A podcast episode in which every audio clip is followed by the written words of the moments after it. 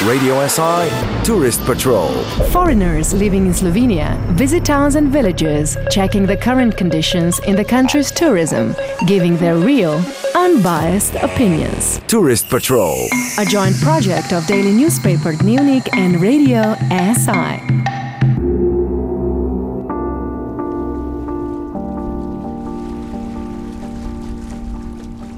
It is time again for another tourist patrol here on Radio Slovenia International. Today we are in Moravske Toplice in the northeast of Slovenia. Well, we will find out what Ville and Antti from Finland think about this place. The two of you, you are from Finland. You, Ville, are currently living in Ljubljana, working at the Finnish embassy. And Antti, you are currently based in Zagreb. And you two are friends and you have spent two days now here in Moravske Toplice. Well, let us first start with your search for accommodation in Moravske Toplice. What was your experience, Ville? In overall, um, we were really happy to our apartment. We searched uh, beforehand in the internet, and I didn't exactly know what was I here. And when we came here, it was a little bit surprised because it was a pizzeria here downstairs, but uh, in the end, we found out that we actually booked an apartment which was behind here. But uh, in overall, I was really satisfied with the apartment here. So it's the first time for the two of you here in Moravske Toplice. Did you know anything beforehand? What was your first impressions when you arrived?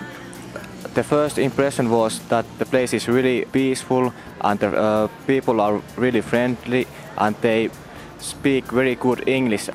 And uh, how would you describe the locals? Was it easy to get in touch with them? Were they helpful, giving you information you needed? Yes, we got all the information we wanted, and people asked it friendly when we had been asking. But uh, here, there's uh, because maybe for, because of the Christmas holidays, there's not much people here around, so we don't we didn't really talk with local people. It's only if we asked asked some advice, they they were friendly to give us it, give us the information. Uh, you are not here by car, but you traveled here by train. So, what was your experience getting to Moravske Toplice and getting around here?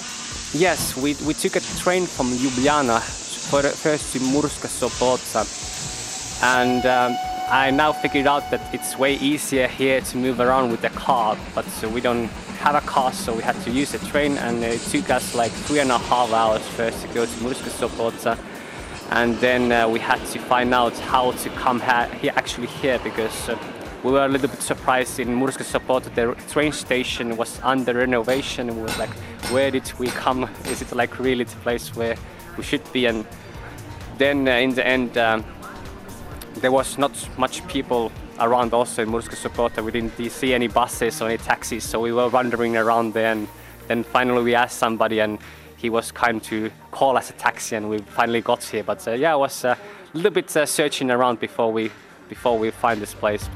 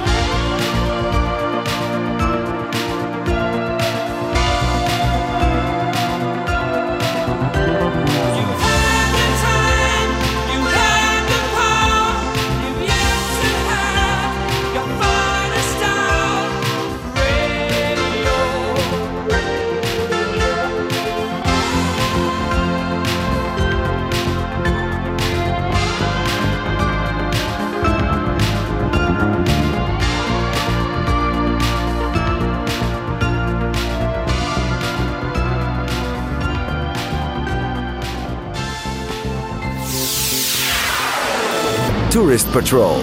On Radio SI.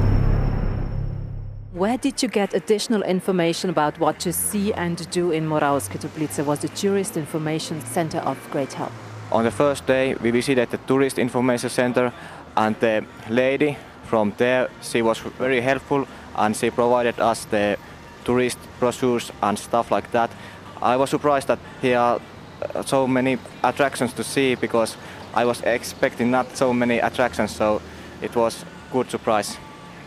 As we were talking before, you have one problem because you are not here with your car. So you have to actually visit the surrounding villages to see all of the attractions. But you did rent a bike this morning. What were you able to see? Uh, we heard that there's like uh, lots of bicycle tracks here around. We were a little bit like, of course, now it's not the best timing to go bicycle because it's not summertime, but uh, and we went to this Bogojina church in Bogojina town, which is like maybe five kilometers from here, and then we saw a little bit around also Moravske Toplice, which was of course also nice. Um, what can you say about the food and drinks you had? We tried local food. I actually have uh, here what we tried. I don't remember them by name, but uh, we ate uh, bograč. That was actually really good. We have a little bit similar food also in Finland with this meat meeting. And, and then uh, Antti had uh, dödöli, yes, and then uh, Tikanska Pechenka. Yes, and we also tried this uh, local cake. Uh, Ville, can you say the name? Gibanica. Yes, it, it was good. Uh, it was not so sweet, but uh, it was good with coffee and yeah. Yeah, and I think uh, all of them were quite good, but we found out that uh, in I don't know was it because of the restaurants, but they didn't have so much spices in the food. So actually we were adding, you know, ourselves spices. But otherwise the food was good. What would you say was the highlight of your stay, considering that you are not here by car and couldn't really see all uh, interesting attractions of the area? Well, it's quite obvious. It's the spa because that I think it's anyway the maybe even the I don't say only thing, but the most thing what you can do here in Moravske Toplice. What are the biggest pluses and the biggest minuses here in this region for you? Maybe it's a little bit too quiet for me. It's maybe more and more like a family place for couples and so on to go spend time in the spa and so on. But uh, I, I wouldn't stay here maybe longer than two days because I don't want to be in the spa for over, over two days. But otherwise, the pluses are that there's really nice, nice surroundings here. There's lots of green, and it's a good place for outside, outside activities. Antti, would you recommend your friends to visit this place? Yeah, I would, uh, but maybe not in the winter time. I think the better time to visit this place is in summertime. So yeah. The two of you, thank you. Thank you.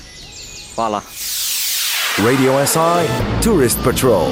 Foreigners living in Slovenia visit towns and villages, checking the current conditions in the country's tourism, giving their real, unbiased opinions. Tourist Patrol. A joint project of daily newspaper Dnevnik and Radio SI.